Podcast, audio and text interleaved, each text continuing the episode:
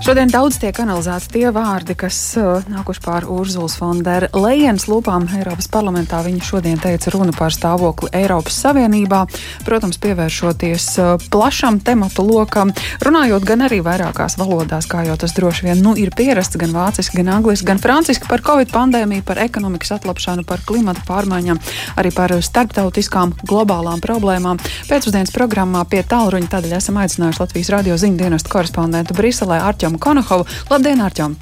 Jā, labdien! Ar lūgumu precizēt, kurp tad šorīt Eiropas Savienības kuģi bija apņēmības pilnas turēt Urzula Fondera Lejena, kas ir tie svarīgākie punkti viņas runā. Urzula Fonderleina runāja par trim lielajām lietām. Protams, par cīņu ar klimata pārmaiņām, par cīņu ar pandēmijas sekām un ekonomisko atlapšanu un ar to saistītajiem jautājumiem, un arī, protams, vēl par Eiropas lomu pasaulē un par Eiropas tādu vietu šajā mainīgajā pasaulē un, un to, kā tad Eiropai būtu jārīkojas un, un jāizskatās.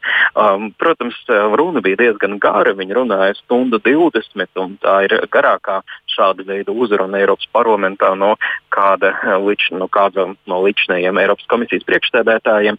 Tāpēc, protams, tajā tika ietverts ļoti daudz elementu, bet uh, lielā mērā tika liels uzsvars likts uz sociālajiem jautājumiem, uz to, ka ir nepieciešama lielāka ieguldījuma veselības aprūpes sistēmā un lielāka ieguldījuma arī tādā izpētē, lai Eiropa būtu vadošais spēks arī medicīnas jomā un medicīnas izpētes jomā.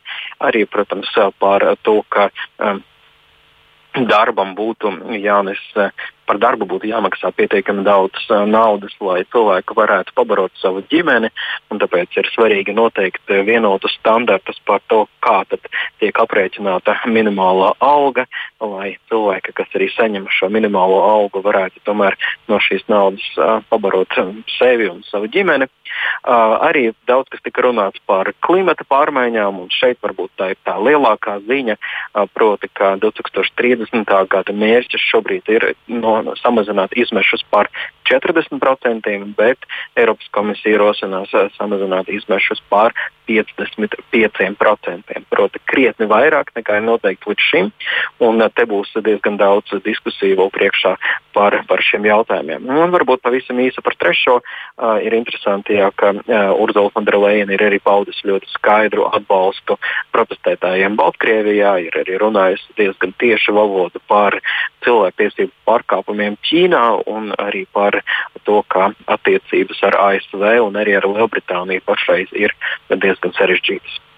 Nu, droši vien, ka arī retorikas mācībā šo runu var izmantot kā labu paraugu, skanīgi ar salīdzinājumiem bagāta tā bija. Kopumā uz vietas deputāta rindas, protams, bija retākas, saprotam, iemeslu dēļ, taču runa tika uztvērta pat vairāk kārt ar aplausiem. Kopējais novērtējums šķiet ir pozitīvs. Jā, kopējais novērtējums visnotaļ ir pozitīvs, jo Ursula von der Leine ir, veid, ir izrādījusi tādu skaidru uh, programmu nākotnē. Jāsaka, ka deputāti patiesībā ēkā uh, bija vairāk nekā bija zālē, jo zālē šobrīd uh, nelaiž pilnu deputātu skaitu un dēļ Covid ierobežojumiem. Daļai no viņiem bija sava uzruna jāskatās vai nu citā telpā, vai arī savā kabinetā, televizora ekrānos. Tad zāle tiešām bija tik pilna, cik viņa varēja būt, ņemot vērā pašreizējos ierobežojumus. Protams, gan komunisti, gan arī galēji labējie uh, ir kritizējuši uh, Ursulu von der Leyenu par viņas sacīto uh, arī konservatīvo un reformistu grupu, kur lielu lomu spēlē Polijas uh, valdošā partija. Viņi ir sacījuši, ka šie mērķi par klimata pārmaiņām un par vēl ambiciozākiem izmešu samazinājuma mērķiem tie, ir, um, tie nav realistiski un ka tie balstās tādā uh, radikālā ideoloģijā, kas viņiem nav pieņemama. Savukārt uh, komunisti ir runājuši par to, ka uh, Ursula von der Leyen nevēlas atzīt uh, pašreizējo sociālo krīzi un nevēlas arī 55% viņuprāt ir par mazu, vajadzētu būt 60%, jo tas ir tas, ko izmešu jomā saka zinātne. Līdz ar to Eiropai vajadzētu būt vēl ambiciozākai un pirmajā vietā jāliek iedzīvotājus. Tā kā kritika ir bijusi uh, no eiroskeptiķiem un no citiem, uh, un arī, uh, protams, daudz uzslavu uh, par tomēr šo ambiciozo mērķi un uh, ļoti būtiski par šo ambiciozo mērķi cīņai ar klimatu pārmaiņām, ko deputāti daudzi uzstāja, ka tas ir ārkārtīgi nepieciešams. Mm -hmm. Paldies par šo informāciju Arčamam Konohovam, Latvijas radio ziņdienestu korespondentu Briselē bijām sazvanījuši un pie mūsu tāluņa arī Eiropas parlamenta deputāts Roberts Zīle. Labdien! Zīles kungs! Um, jā, labdien! Es gan pašlaik esmu vienlaicīgi vienā citā prezidenta konferencē. Tālā. Tā kā es varbūt nevaru es atvainojos, es varu pateikt vienkārši vienu vārdu. Sēdēju. Jā, jā. jā uh, supporting Lūk, tā šobrīd rīta darbs Briselē, un um, gatavojot radījumu, mēs zinājām, ka Robertam Zīlam jāpiedalās arī vēl vienā sanāksmē, bet līdztekus priecājamies par to, ka esat gatavs iesaistīties sarunā pēcpusdienas programmā. Kā tad ir ar šo?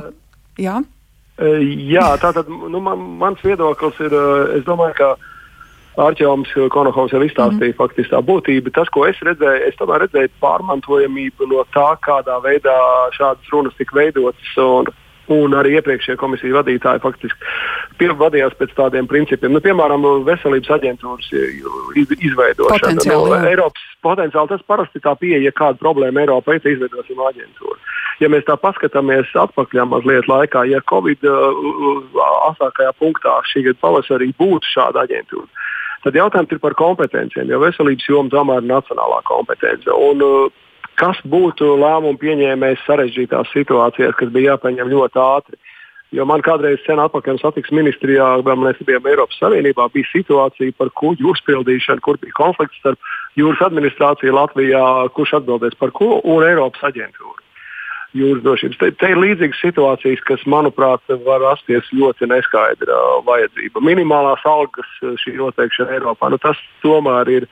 Tā tiek maksāta no mūsu katras dalībvalsts budžetiem, tā skaitā Latvijas, un mums pašiem ir jāvērtē šī iespēja. Skaidrs, ka mēs gribam izdarīt labāk, un mums vajag būt vajadzētu vēl labāk, bet nemoliek skatīties uz Briseli, kas mums to kaut ko izdarīs. Uh, protams, šis lielais paaugstinājums CO2 izmešiem, būs 55% 2030. gadā, nav liels pārsteigums, tas bija sagaidāms.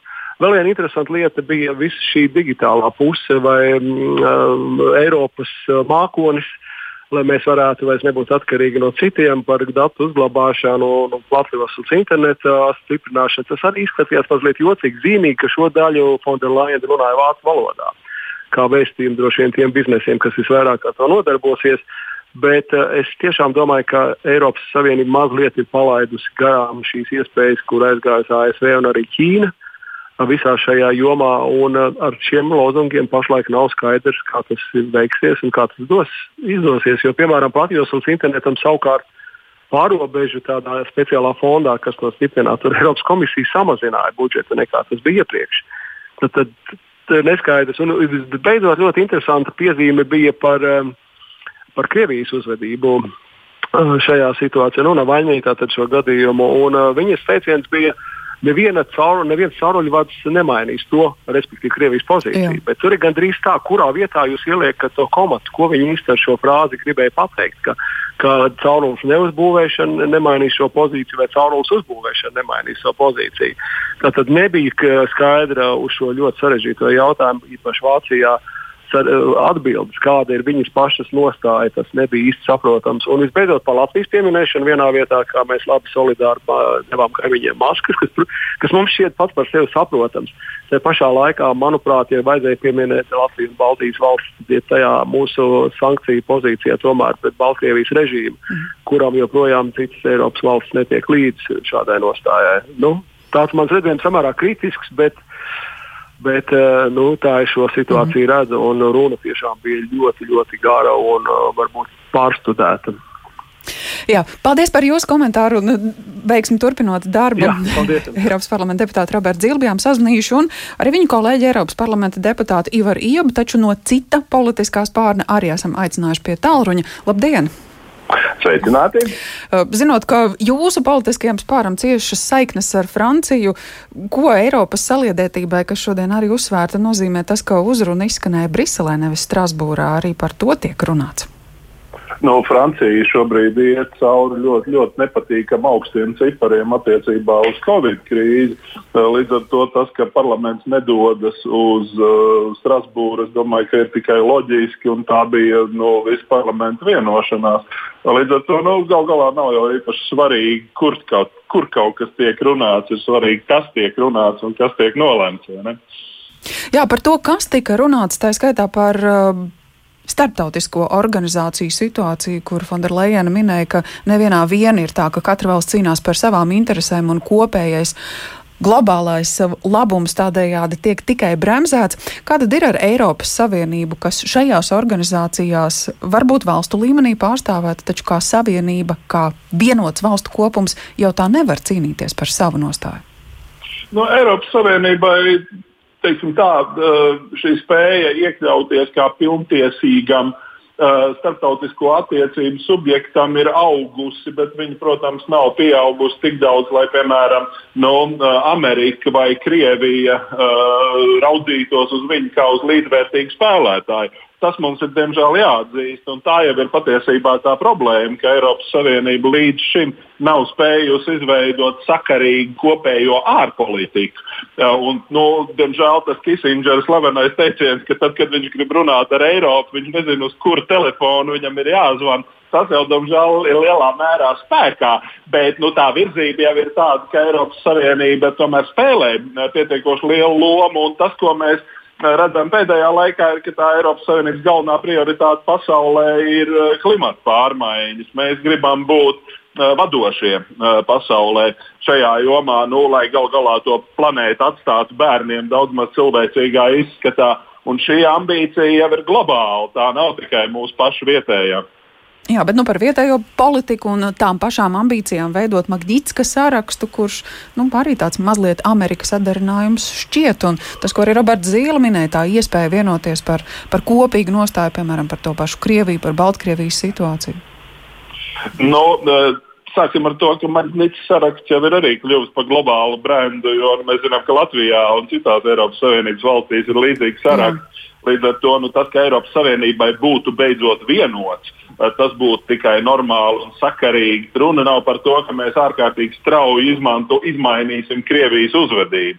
Mēs vienkārši nevaram uh, uzticēties un sadarboties ar režīmiem, kuros ir uh, politieslodzītie un politiskās slepkavības, kā tas diemžēl notiek šajās kaimiņu valstīs. Magnitskis saraksts ir vienkārši viens normāla reakcija. Uh, un, uh, protams, ļoti daudz kas jau ir atkarīgs, ko diemžēl Zilskons netika, nezinu, kāpēc pieminējis, ļoti daudz kas ir atkarīgs no dalību valstīm, kas patiesībā kavē un bremzē to Eiropas kopējās pozīcijas izveidošanos. Mēs zinām, ka attiecībā uz sankcijām pret um, uh, Krieviju, Baltkrieviju tur arī ir valstis, uh, tā skaitā šajā gadījumā laikam Kipra, uh, kas uh, to procesu negrib virzīt uz priekšu, tāpēc ka viņiem ir pašiem savas problēmas ar Turciju. Tā kā tās vienotās pozīcijas izstrādāšana patiesībā nav viegls uzdevums, bet nu, tas jau ir tāpēc, ka, ar ko mēs tur nodarbojamies, mēģināt šo vieno pozi vienoto pozīciju beig beigās izveidot un izstrādāt. Nu jā, šķiet vēl viens tāds pats risināms un diez vai atrisināms ir arī bēgļu migrācijas jautājums šobrīd Grieķijas situācija. Jā, tas ir droši vien nu, visas šādas runas, un tā skaitā arī šī fonda Lajens runa, protams, reaģēja arī uz tām lietām, kas šobrīd ir gaisā. Tieši tā kā jūs pats norādījāt, gan uh, Navaļnijas un Baltkrievija, bet arī tas, kas notiek ar to Morijā un Lesbas salu. Uh, kur šīs, nu, mēs skatīsim, un nākamnedēļ es saprotu, ka ir gaidām kaut kāda Eiropas komisijas iniciatīva, kura tad piedāvās kaut kādu jaunu ceļu uz kopīgu šo patvērumu meklētāju politiku. Es domāju, ka tur būs liela politiska ņemšanās, bet es domāju, ka no šīs problēmas mēs nekur neaiz, neizvairīsimies, jo skaidrs, ka tādu haosu, kā tas bija 2015. gadā ar to patvērumu meklētāju krīzi, Eiropas Savienība vienkārši var vairs nepārdzīvot, jo tas bija pārāk politiski traumatiski praktiski daudzām valstīm. Bet kopumā pēc šīs dienas uzrunas, kāda ir jūsu sajūta par Eiropas Mana Savienību? Sajūta ir tāda, ka es gribētu redzēt tos konkrētos Eiropas likumdošanas aktus, kurus nu, mēs sagaidām no komisijas, kādiem viņiem vajadzētu izskatīties. Es gribu redzēt, kā visas šīs prioritātes izpaudīsies naudas sadalē. Jo, piemēram, tie 20% digitalizācijai, eh, tā ir ļoti interesanta lieta, bet šiem 20% nu, ir jābūt iestrādātiem tajos plānos, kurus, piemēram, Latvijas vai kāda cita dalību valsts valdība nesīs uz komisiju un mēģinās saskaņot. Nu, kas tie būs par kritērijiem, kur mēs to investēsim, kur mēs drīkstēsim to naudu izmantot, kur nedrīkstēsim. Tas ir lietas, kas ir niansēs, bet šīs nianses ir ārkārtīgi svarīgas. Jo uh, skaits runas ir ļoti svarīga lieta, un tādām ir jābūt. Mm. Bet skaidrs, ka nu, patiesībā jau reālo dzīvi ietekmē praktiski darbi un praktiski nauda. Nu jā, līdzīgi kā ar digitālo, tāpat arī ar zaļo jautājumu, vai tas nebūs zaļas naudas atmazgāšana. Nu, es domāju, ka tiem 55% vēl būs diezgan liela uh, cīkstēšanās, bet, nu, protams, ir jāsaprot, ka Fonderlaina arī meklē atrast kaut kādu zelta vidusceļu, tāpēc, ka no otras puses ir arī spiediens, kas saka, ka vajag 60 un 65. Uh, līdz ar to nu, pie 55 ir vairāk vai mazāk tāds kompromiss. Uh, bet atkal, kādā veidā tas izpaudīsies konkrētā likumdošanā, kā tas ietekmēs mūsu visu dzīvi, to, kā mēs apkurināsim mājas, tā kā mēs iegūsim enerģiju un tā tālāk. Šīm lietām mums ir jāpievērš detalizēta uzmanība ar visu cieņu pret ļoti skaistām runām, bet darbi un lēmumi praktiskā dzīvē ir svarīgāk. Nu jā, Eiropas parlamenta darbs.